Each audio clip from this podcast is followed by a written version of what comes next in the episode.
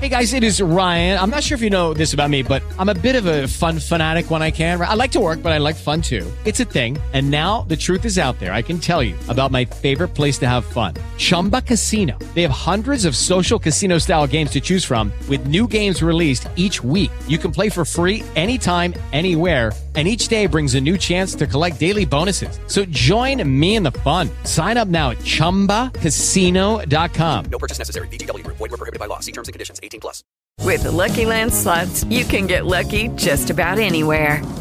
This is your captain speaking. Uh, we've got clear runway and the weather's fine, but we're just going to circle up here a while and uh, get lucky. No, no, nothing like that. It's just these cash prizes add up quick. So I suggest you sit back, keep your tray table upright, and start getting lucky. Play for free at LuckyLandSlots.com. Are you feeling lucky? No purchase necessary. Void where prohibited by law. 18 plus terms and conditions apply. See website for details.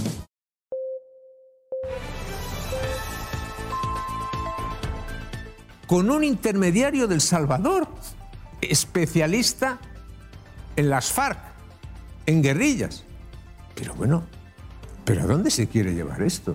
Realmente, o sea, es que no se puede arrastrar más a un país, por el fango. Esto no es política, esto no es nada parecido a la política. Esto es un disparate total, ¿no?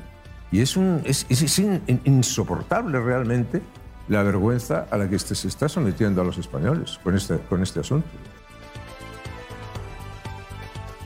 José María Snar, la veu de las esencias patrias españolas, asegura que Sánchez arrossega España pel fang. Quan ell negociava amb ETA també a Suïssa, amb un mediador que no era salvadoreny, sinó que era un capellà, què feia? Elevava Espanya pels cels? Les negociacions amb l'independentisme català tot just han començat, però ja han elevat la temperatura a Madrid a nivells insospitats.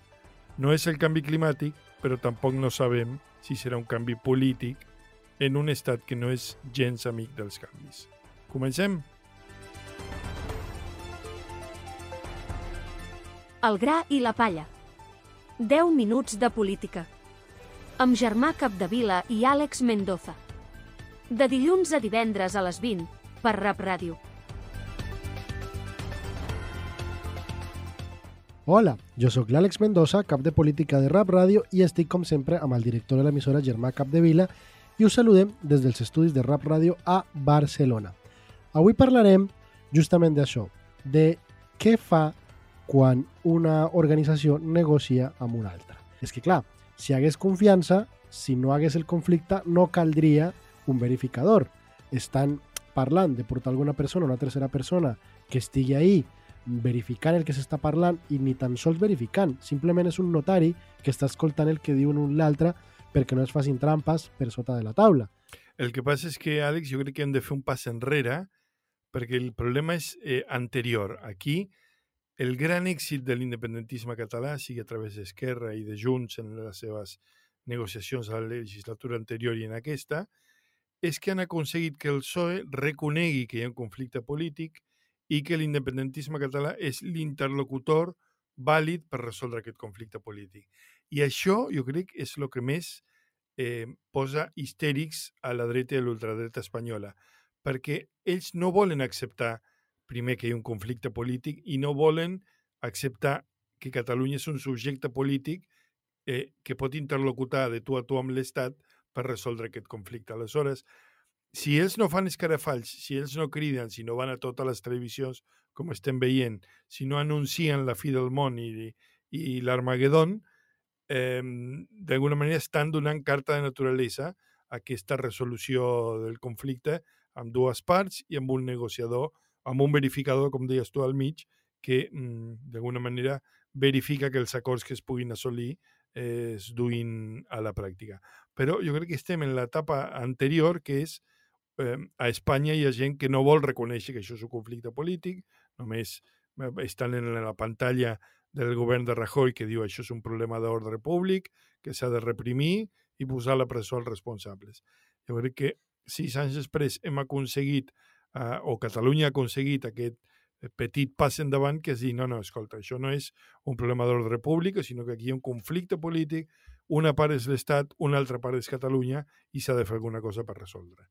Clar, el tema aquí també és que eh, la visió que tenen ells de la situació del conflicte està molt en sintonia de la visió que tenen ells de les reclamacions i de les reivindicacions de els, els ens nacionals que tenen aquesta, que, que estan en conflicte. És a dir, el mateix eh, Aznar avui deia que Espanya eh, se aboca, paraules textuals, hacia eh, una sèrie de eh, republiquetes patètiques confederades. Uh -huh. Perquè per ell, o per, o per la dreta que ell representa, eh, el nacionalisme de cada una de, de, de, de les parts és eh, un tema patètic, de gent que no admès o no entén la grandesa de ser espanyol i del que les dona eh, ser espanyol. Per I ells és són models, impossible. són models incompatibles. No pots tenir un estat únic i unitari i, i alhora una confederació de nacions. És, Clar. no hi ha manera de casar aquests, to, aquestes dues visions del món.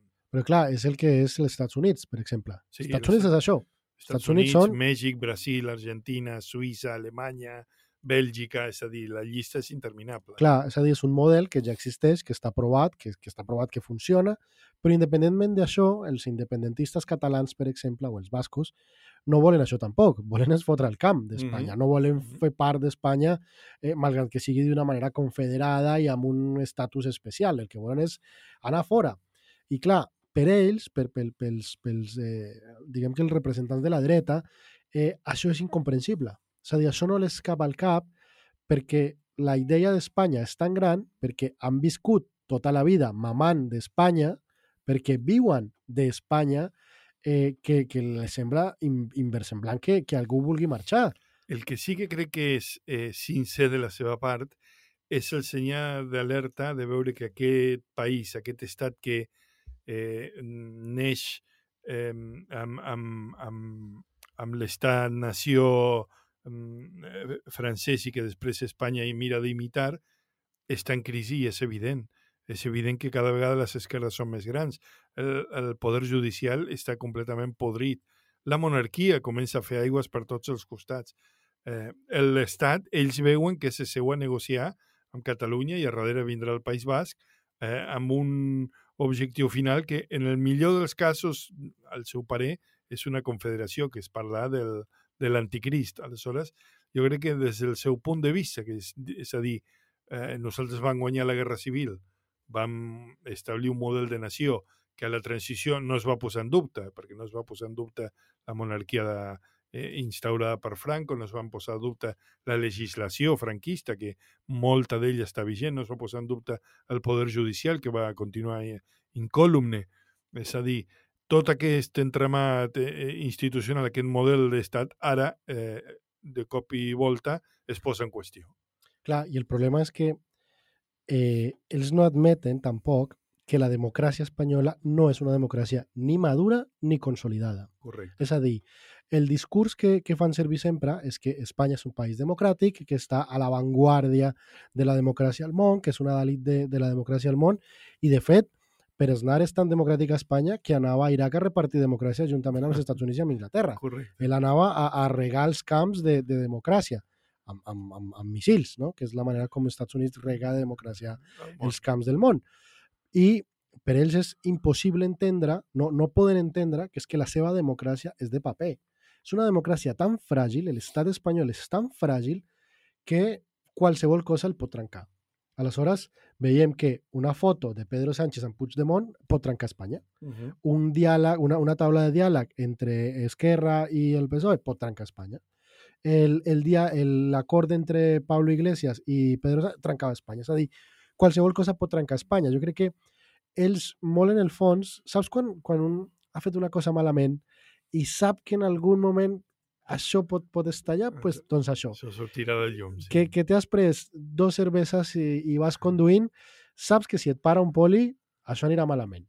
I, i aquesta és la sensació que ells tenen, que, que la cosa no està tan sòlida com ells mateixos se fan veure cap enfora. I això és el que passa, que a mesura que hi hagi una mica d'esquerda, que la- que l'esquerda se vagi enxampant una mica més, pues saben que això començarà a fer aigües. Això, per part de la dreta, l'ultradreta, el PP, sobretot, que és un dels dos partits fundacionals d'aquest estat mm, sorgit amb el règim del 78.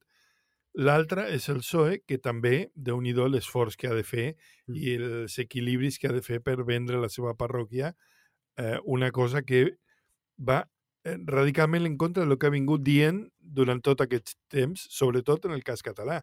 És a dir, pensem que el PSOE en el 2017 eh, aplaudeixen les orelles al 155 i una trucada a Pedro Sánchez Rajoy dient-li endavant a totes amb aquest i que Pedro Sánchez fins, a, fins i tot en aquestes últimes eleccions la campanya electoral torna a dir això de jo tornaré, el portaré a Puigdemont, és un pròfug de la justícia, el portaré eh, davant dels jutges, no hi ha res a, a parlar amb aquesta gent que són uns delinqüents.